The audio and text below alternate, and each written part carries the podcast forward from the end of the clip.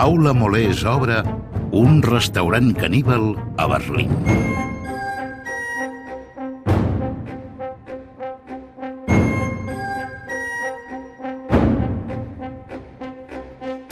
L'altre dia em vaig acostar a la plaça Sant Jaume de Barcelona i què voleu que us digui? Em va agradar i molt el pessebre de l'artista Paula Bosch. És inspirador, original, ben executat i melancòlic, perquè la melancolia és d'allò més nadalenca. Desenes de caixes construeixen aquest pessebre contemporani i antic alhora. Entre el rei Baltasar, el nen Jesús i les boles de l'arbre, la Paula Bosch posa una safata de canelons canònics, amb carn i beixamel, uns polvorons, uns torrons, un sortido de Navidad Suchar, unes copes de cava forma pompadour, uns galets i un aguinaldo. I encara que alguns ho vegin caspós, desfassat i decadent, és gratificant que cada Nadal surtin de les caixes de cartró el mateix caganer i les mateixes figuretes. Pel que fa a la teca, però, les caixes imaginàries que guarden el menjar, aquestes van canviant. Quants cuinaran avui un menú alternatiu per a aquells de la família que ja no mengen carn? Quants menús vegans i vegetarians hi haurà? Segurament bastants, molts, i més val que no ens resistim, que ens ho prenguem amb filosofia. Ens agrada la melancolia perquè és bonica i fa Nadal, però el món canvia i el menjar també. Un restaurant caníbal a Berlín. Gerard Jubany, bon Nadal. Bon Nadal. Uh, que estrany se'm fa saludar-te a aquestes hores del matí, Sí, acostumats com sí, estem sí. als migdies. Encara duc el cafè a la mà, jo, eh? Sí, menú per cert vegà o vegetarià a casa teva? No, no, no, no, no una cosa clàssic. tradicional, El eh? canònic, el, el caneló Molt, canònic molt, i molt. la sopa de galets canònica. Cuinarà la meva mare, per tant, endavant, tot normal. Tot i normal. Ah, digue'm què passarà avui, dia de Nadal, o demà, Sant Esteve, al voltant d'una taula, moltes coses, suposo. I passarà que la gent menjarà bé, menjarà amb temps i probablement menjarà una mica més del compte. I ja saps que quan la gent menja una mica més del compte, de vegades apareixen els Mm, remordiments. sí, sí, sí, però un cop ja t'ho has menjat tot, eh? Sí, Eh, apareixen aquests- després, normalment. Sí, després. Sí, sí, És inevitable, clar, a veure, omplir la panxa una miqueta més del compte, és Nadal. Doncs potser per això al Regne Unit eh, s'han proposat que a les etiquetes dels productes alimentaris s'hi inclogui una, inf una informació més, a part Mhm. de la dels ingredients, el valor nutricional, totes aquestes Tot coses que, ja hi surten. A no? veure, no sé. Demanen que s'inclogui l'exercici físic que hauries de fer per poder cremar totes les calories que ingeriràs si et menges aquell producte. Mm, escolta, però encara tens més remordiments, no?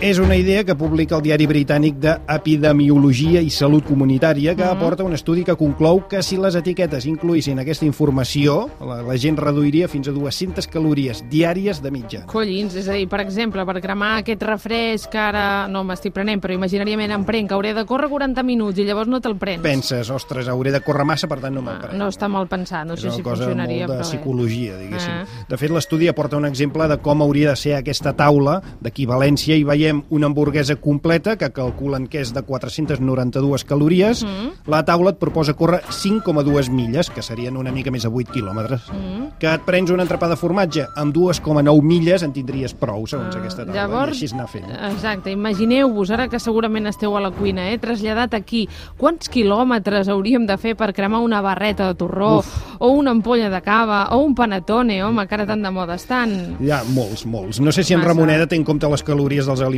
que ens està cuinant pel dinar d'aquest migdia. Home, jo crec que avui no cal que conteu calories, eh? S'ha llevat molt d'hora, això sí, eh? Jo crec, vaja, no sí, sé. sí, sí, sí, sí. Uh, no sé què està preparant, però jo sento molt bona Sí que olor que ve bona de la olor. cuina. Sí, A veure, sí. uh, Ramoneda, Vinga. què ens estàs preparant per avui? Avui matineu, eh? Home, sí. Bon Nadal! Igualment. Bon Nadal. intens a la cuina. Des de primera hora que tenim els fogons en marxa. Ai, ai, ai, ai. Pel dinar de Nadal, uns clàssics. Us estem preparant una escudella que hem fet posant al foc un argentí, una sueca, un Ui, ui, ui. palestí i una japonesa. Mm. Amb galets, és clar. Mm.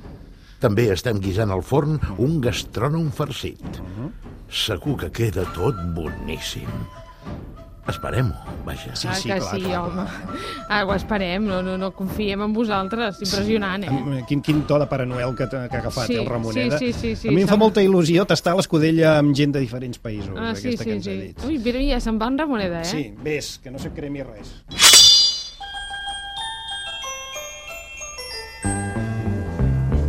Avui, a moltes cases, menjaran escudella amb galets i carn d'olla. Però com se celebra el Nadal a les taules d'arreu del món?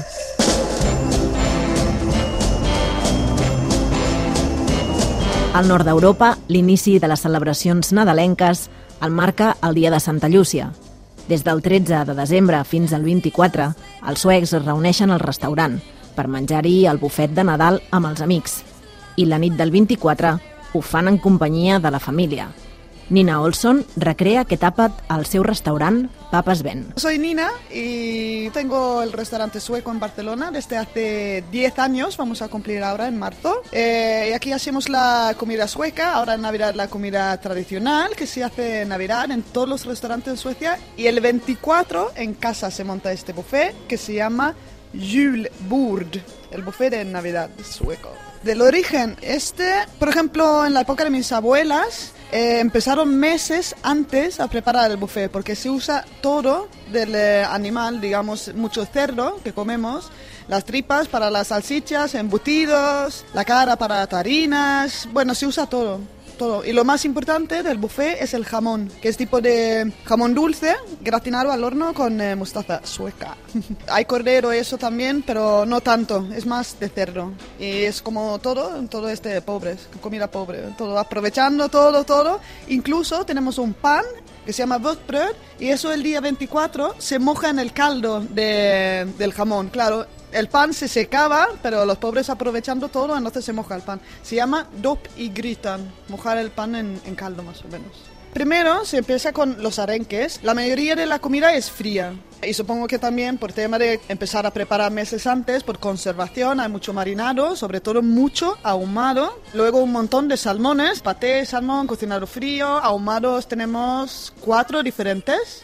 Y luego hay muchos embutidos y carnes fríos también. Y por supuesto las albóndigas y la tentación de Johnson, que las costillas y todo eso que es caliente, el parte caliente. Los postres, hay un montón de caramelos. Es más típico caramelos que pasteles. También tenemos algo parecido al arroz con leche, pero aquí se llama eh, ris a la malta y se mezcla con nata montada y se come con una salsa con fruta del bosque. Hay cerveza y snaps. El snaps es el aquavit sueco, aquí también casero tengo dos diferentes, hacemos uno de sauco en mayo, cojo las flores de sauco y también un clásico de hierbas tipo rujo aquí. Y eso ayuda muchísimo a bajar la comida. La verdad es que como necesario, porque hay tanta comida que hay que bajar la comida. También para animarse, los suecos cantan canciones y luego toman el snaps y luego cantan otra canción, otros snaps y así se acaba todo el mundo súper contento. Suecia, el día 24 es el día más importante del año, es más importante que la Nochevieja. Y se monta este buffet en casa el 24. Entonces, claro, como hay tanta comida, hay que comerlo el 25, el 26, el 27, el 28, el 29, el 30 es más o menos fuera porque la gente está demasiado cansada de comer lo mismo como no canto bien, me sale siempre de canciones de niños. Y hay uno que se llama Nu Julien, ahora otra vez en Navidad, es como... Nu är och det jul och julen var fram till Men det var inte sant och det var inte sant för däremellan kommer fastan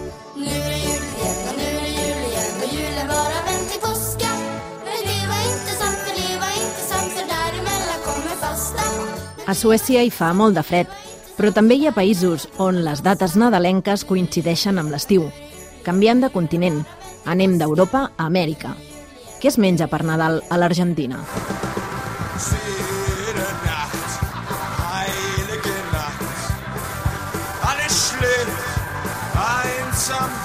Hola, mi nombre es Amael Faín, soy argentino que lleva 20 años en España. Tengo una empresa de catering que se llama El Criollito. Nos dedicamos a hacer asados argentinos y no solo asados, también muchas comidas argentinas que quizás no son tan conocidas. Y bueno, desearos felices fiestas. En Argentina lo primero y principal es que es hemisferio sur y tenemos el verano para estas fechas y las navidades se celebran en el jardín, no se celebran dentro de casa, sino en las zonas donde, donde está un poco más fresco. En la Navidad lo que se hace es reunir a toda la familia en el jardín de la casa y ahí se, se come. Las comidas típicas que, que, tenemos son, son un poco las de siempre, es el asado y la carne. Después puede ser el cerdo, también se, se come a la parrilla mucho. Y luego algún que otro plato más diferente de lo que es normal, ¿no? Hay un plato que se llama el pionono, que es una masa, es como un brazo de gitano, pero salado, que viene relleno de pollo, con huevo, con aceitunas y se le ponen algunas salsas, que puede ser la salsa golf, que es una salsa de mayonesa y ketchup. Después también tenemos muchos de entrantes que se hace las empanadas y las acompañamos con ensaladas, con el vitel toné, que es un plato que es una pieza de carne de una parte trasera de la vaca que se hierva, se hierve con caldo y después se, se le baña con una salsa de pimienta o una que salsa que es de atún con anchoas y, ¿cómo se llama? Y alcaparras. Hay muchos, muchas comidas que tienen mucha mayonesa y tienen cosas que en principio se estropearían con el calor. Así que lo que hace la familia normalmente es se, se junta a la mañana, a mediodía, comen algo rápido a mediodía y se ponen a preparar toda la comida que se va a servir a la noche. Lo que sí que se come muchísimo en Argentina es el tema postres. Tenemos una variedad impresionante, aunque para las fiestas principalmente lo que se comen son ensaladas de frutas y helados. También lo que se toma, que está entre medio de comida y bebida, es un postre que es la ensalada de fruta con vino. Y entonces tomas, tomas el vino de la ensalada de fruta y te comes la fruta luego una vez remojada. La bebida en Navidad, sea alcohólica o no, también está muy, muy enfocada a las frutas. O bien tomamos eh, la nana fish, que es, es una mezcla de sidra con piña metido en la batidora y se hace un, como un zumo picando la piña y metiéndole la sidra y eso es lo que toman los adultos. Y después lo que toman los niños es lo mismo pero con o con cava infantil o con, o con alguna bebida tipo naranja o, o del estilo. A l'Argentina, gairebé el 70% de la població és catòlica. El Nadal és una festivitat cristiana, no ho oblidem, però hi ha països on hi conviuen més de tres religions diferents i això fa que no tothom el celebri. És el cas de Palestina. Ens ho explica l'escriptor i dermatòleg palestí Salah Jamal.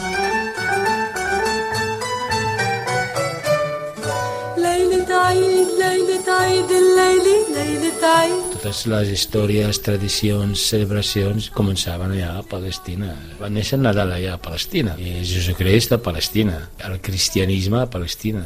Jo recordo perfectament, o sigui, quan jo vivia a Nablus, teníem nosaltres al voltant de 4.000 samaritans, que són els jueus autèntics de Palestina. I el, el meu veí era ortodoxo.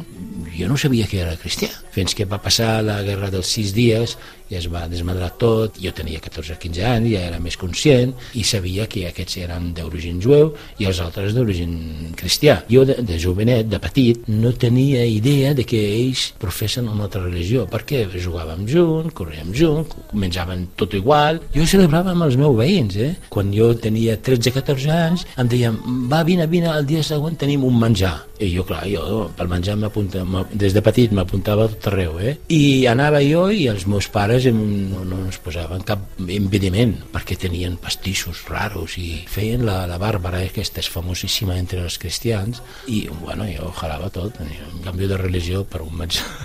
La Bàrbara és en honor a la Santa Bàrbara, que era una xicota que va professar el cristianisme, el seu pare era un... no tenia cap religió en aquella època abans de Crist, i llavors, clar, el tio no, no, no acceptava que la seva filla sigui cristiana, i llavors la perseguia, i a més a més, la noia aquesta, quan es va escapar del seu pare, passava per uns camps de Palestina, on en aquest moment les espigues van créixer ràpidament i el van amagar. I llavors, què passa? Està lligat el plat de moro amb Santa Bàrbara.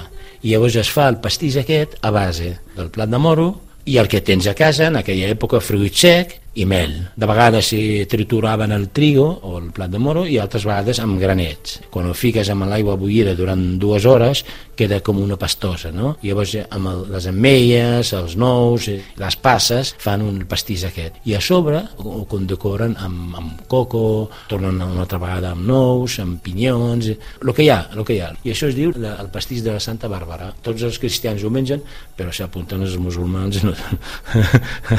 Vamos, sí i mengem tots. Quan nosaltres allà a Palestina diem, oye, vamos a comer una bàrbara, ja està, ja sabem que és, que és cristià, però ni, ni cristià ni hòsties, també per nosaltres. I si tu portes mig segle a un país, al final ja fas el que fa... A, a més a més, Mahoma deia, si tu vius en un poble durant 40 dies, has de fer igual que ells i jo, amb els torrons no cal que em digui Mahoma que has de fer? Igual que vosaltres amb els torrons i el pernil que la, que la no es perdone. T'adaptes a la gent d'aquí m'entens? I vamos i també barrejo amb les meves coses eh? bueno, jo de seguida sóc obert a les novetats diguéssim. Però clar, l'escudella i els torrons ja no són novetats. A més a més sóc molt selecte amb aquestes coses dels torrons sobretot. El 24 no celebrem més que el, el Catio però el celebrem el dia del 25 eh? a més a més sóc el cuiner eh? es fa el que es fa aquí i punto eh, l'escudella el, el, el, el, pollastre farcit amb les ametlles i les passes i, el típic, el típic i després el que sobra eh, es fa el dia següent els canelons o, o no i algú fa la, la algú emprenya ja la cuina que l'he hecho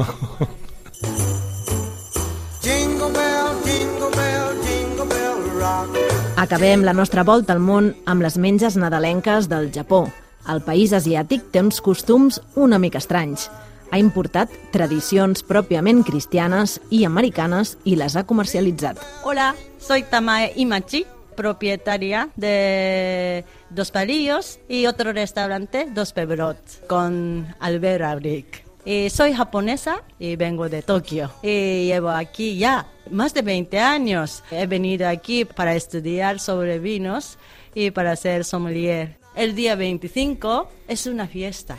No somos cristianos, la mayoría budistas y sintoístas. Entonces no, no celebramos Navidad, pero ha venido por Inglaterra y Estados Unidos. Por eso la gente celebra, pero es una fiesta entre amigos, una familia también. El día 24 por la noche hemos importado, ¿no? Tradición cristiana de Navidad. Y Estados Unidos celebra con pavo. Pero en caso de Japón, nosotros no comemos pavos. Y aparte, pollo es más común. Entonces, sí, por la noche celebramos con pollo. Pollo al horno. Entonces, Kentucky Fried Chicken es auténtico sitio de pollo. Si relaciona con pollo, triunfa. El día 24 por la noche significa Kentucky Fried Chicken. Luego comemos tarta de Navidad. Luego, el día 25, casi nada.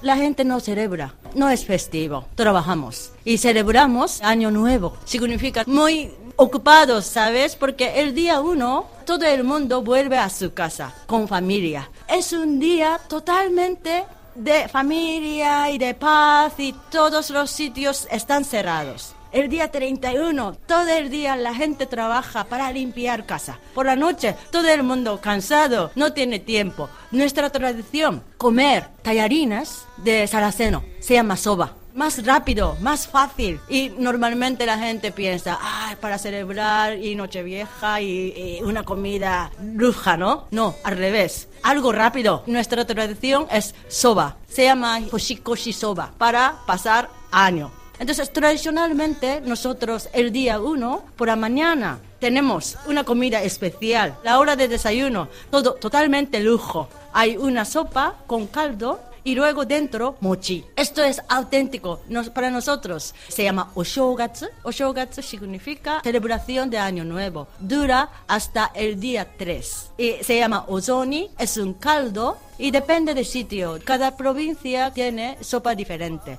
Pero dentro siempre mochi. Esto sí o sí tenemos que comer Ozoni el año nuevo. Y tomamos sake. Es muy importante para nosotros.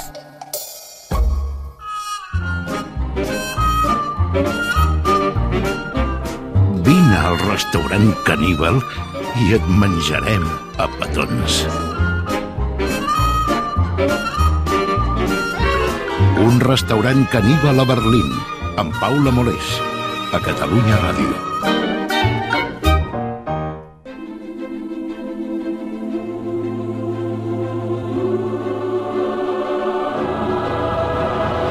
Alicia al Mercat de les Meravelles.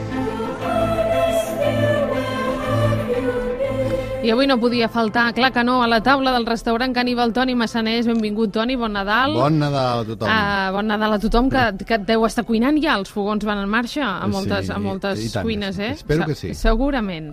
Uh, sempre parlem aquí de productes de temporada, de proximitat. Ah. Avui, jo no sé si hi ha res més de temporada que el que mengem per Nadal. Sí o sí, ho mengem per Nadal, no? Els catalans teniu una tradició que. Sí. diu que mengeu escudella amb Sí. galets Sí. i demà menjareu canelons de Sant Esteve. Sí. Ho dic amb tercera del plural perquè, perquè el País Valencià fem paella amb pilotes, que és una cosa que molta gent sorprèn, però bé, li posem la pilota, que és la cosa festiva, Molt i la paella, que és tret distintiu, no cal, no cal dir-ho. Nosaltres abans dels Eh, canelons per Sant Esteve sembla que també menjàvem arròs. Sí, mengeu arròs? Sí, menjàvem. Ah. Abans, abans vol dir abans de... Molt abans. Fa, sí, no tant, però, mm, 70 anys, Mhm. 50 anys, és una cosa que es va posar de moda al, al, començaments del segle XX, molt de moda, i, i van passar de la, moda dels restaurants a la francesa, dels modernistes, tot això, van acabar sent moda a les cases. No? Una cosa curiosa, eh? perquè en lloc es mengen tants canelons com aquí. Mm. Eh? Poder no van néixer aquí o no van néixer del tot, o, Sí, eh? Eh, però, sí, no, no tan clar això, eh? però bueno, hi ha tota una petita... Però sempre han sigut més caducers, diguéssim, i en canvi aquí, ja ho veus, no? Sí, En sí. Mengem, en mengem tothom per Sant Esteve. Mhm. I tu ets dels que cuines, vull dir, cuinaràs Sí. avui, o ja ho has fet abans, eh? Hi ha gent molt previsora, eh? Que ja té la feina feta. Sí. Sí? Uh, sí. I ets jo- dels clàssics? Uh, per Nadal normalment sí, no, no, no, no talibà, eh? però normalment sí, normalment sí, i per tant l'escudella, uh, l'escudella que a casa meva, uh, al Berguedà tenim una variant, que és l'escudella de blat de moro escairat, Mm. que és una, és una, és curiós, eh? és una, és una escudella que té, té el- en lloc de galets, diguéssim, la, la pasta, que no és pasta, és blat de moro bullit, té, té l'aspecte de, de crispetes, absolutament blanc i de crispetes. I s'assembla molt, és pràcticament igual que un plat, eh, que un plat mexicà que es diu pozole. Uh -huh. eh, curiosament sense saber-ho, ni els uns ni els altres, Mm, eh, no diguéssim. ho sabeu. I a nosaltres, en, el, en, en, aquest, en aquest cas, bueno, per les diferents eh, eh, qüestions històriques, l'escudella moltes vegades és de blat de moro, i si no, doncs és de galets, o a casa meva a vegades de macarrons, perquè el galet també és una cosa relativament moderna. Mhm. Abans fèiem macarrons, pasta grossa era festa, Ahà. eh? això és molt levistrós, pasta, la pasta petita, arròs i fideus era dia, dia de, cada, Mhm. de cada dia. Clar, sigui el que sigui, mengem el que mengem, no sé si eh, ja donem per fet que ens hem d'empatxar. No sé si és l'única època de l'any que podem ser una mica indulgents, no? Aquí que sempre mirem nutricionalment parlant, no? Sempre preguntem això què tal, no? No? És aquell associat a, a...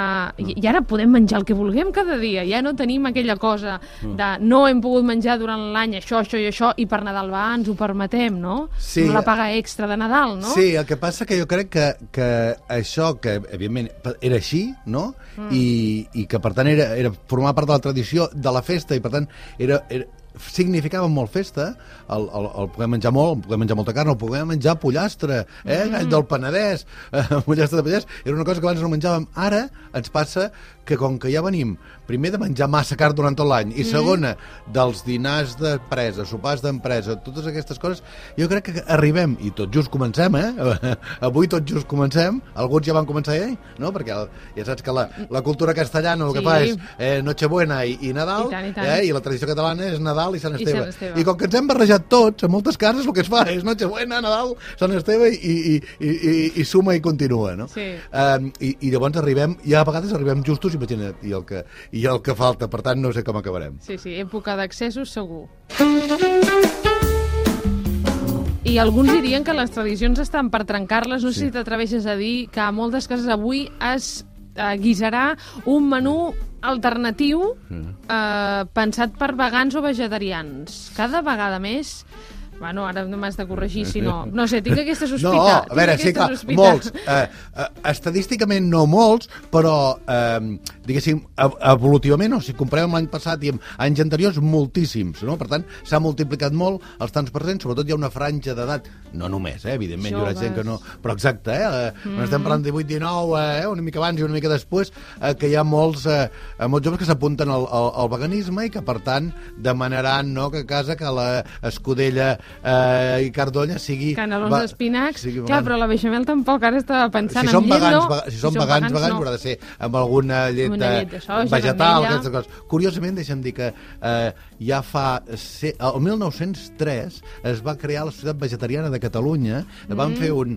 Eh, va, I el discurs de, de, de presentació d'aquesta societat, el president, no 1903 estic parlant, eh, no- eh, Principis del segle eh, passat. Sí, es va dir, diu, va reivindicar que en realitat l'escudella catalana, originalment, era vegetal, i que és després que vam anar posant eh, carn. Home, una mica sí que és així, Sí, és cert, no? clar, fer un- no, no, era, no, era, no, era, vegetal. no era segurament vegà, però sí que hi havia gairebé. molt, gairebé, exacte, per obligació, i a la que hem pogut n'hi hem ficat tanta que, que segurament n'hi hem, hem arribat a posar massa. Clar, jo aquesta sospita la tenia perquè l'altre dia a La Vanguardia justament eh, hi havia un titular cridaner. Deia, aquest Nadal hi ha rècord de vendes de verdures. Sí. I això ho deien els diferents gremis de Mercabarna, eh, que ho atribuïen alerta a una opinió pública favorable. És a dir, opinió pública favorable a, evidentment, menjar més verdures i cada vegada menjar menys carn. Clar. És una cosa que sempre anem dient. No? Quan, quan menjàvem verdures per obligació sempre, per, no, menjàvem carn per Nadal i per festa. Sí. Ara que mengem molta carn. És veritat que últimament hem baixat una mica, ens estem moderant, estem aprenent, però que, hem, que vam arribar l'any 2000 a menjar-ne moltíssima, diguéssim, no? doncs eh, cada cop més eh, la festa ja no cal que sigui la carn i per tant, és veritat, també fa festa no? i cada cop més, i, i a més sabent que, la, que, que amb la idea de salut està molt associada doncs eh, menjar més verdura. Mm -hmm. Doncs bé, sigui quin sigui el vostre menú, uh, sigueu una mica indulgents, que és Nadal, uh, gaudiu-lo. Si sou dels que cuineu i dels que no, Toni, que et surti bo el dinar, i demà també, jo espero que la Igual- meva paella també sigui bona. igualment. I- A tothom, no? A tothom que està A cuinant. tothom que està cuinant, poseu-hi els cinc sentits. Vinga. No? Uh, moltíssimes gràcies, bon Nadal i, i bones digestions, no? Hauríem de dir. Això.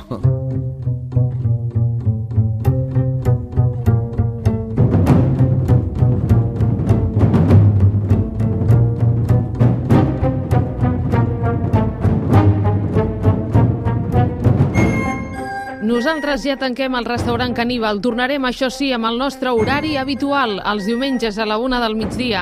Canviarem alguns plats, però la cuina serem els mateixos. Josep Maria Campillo, Susana Ortega, Gemma Safont Trias, Sílvia Andrés, Gerard Jubany i una servidora, Paula Molés. Bon Nadal i bona cuina. Ai, ai, ai, López.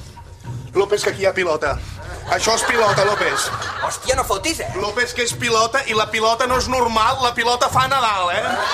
Hòstia, hòstia, hòstia, no pot ser, no pot ser! no, no, no jo amb aquesta pilota no... Calla, no. calla, calla, calla, no és pilota, no és pilota, no és pilota. És mandonguilla, és mandonguilla. Sort que me n'hem recordat. Estàs segur, López? Estàs segur que és mandonguilla? Segur, Mira-te-la bé, segur, segur, mira-te-la bé. David, segur! David, sé el que em dic.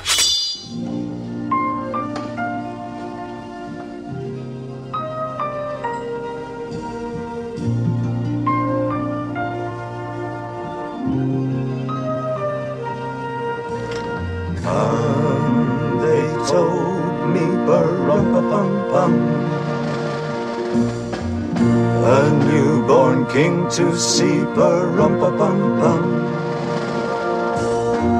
Our finest gifts we bring, Barumpa-bum-bum, Rumpa-bum-bum, Rumpa-bum-bum. Peace on earth, can it be? Years from now, perhaps we'll see our see the day of glory.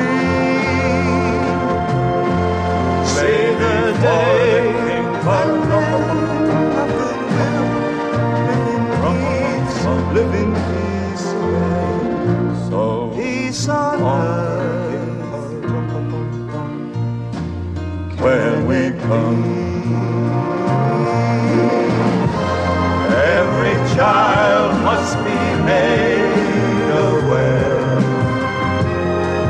Every child must be made to care. Care enough for his fellow man to give all the love that he can. I pray my wish uh, will come true. As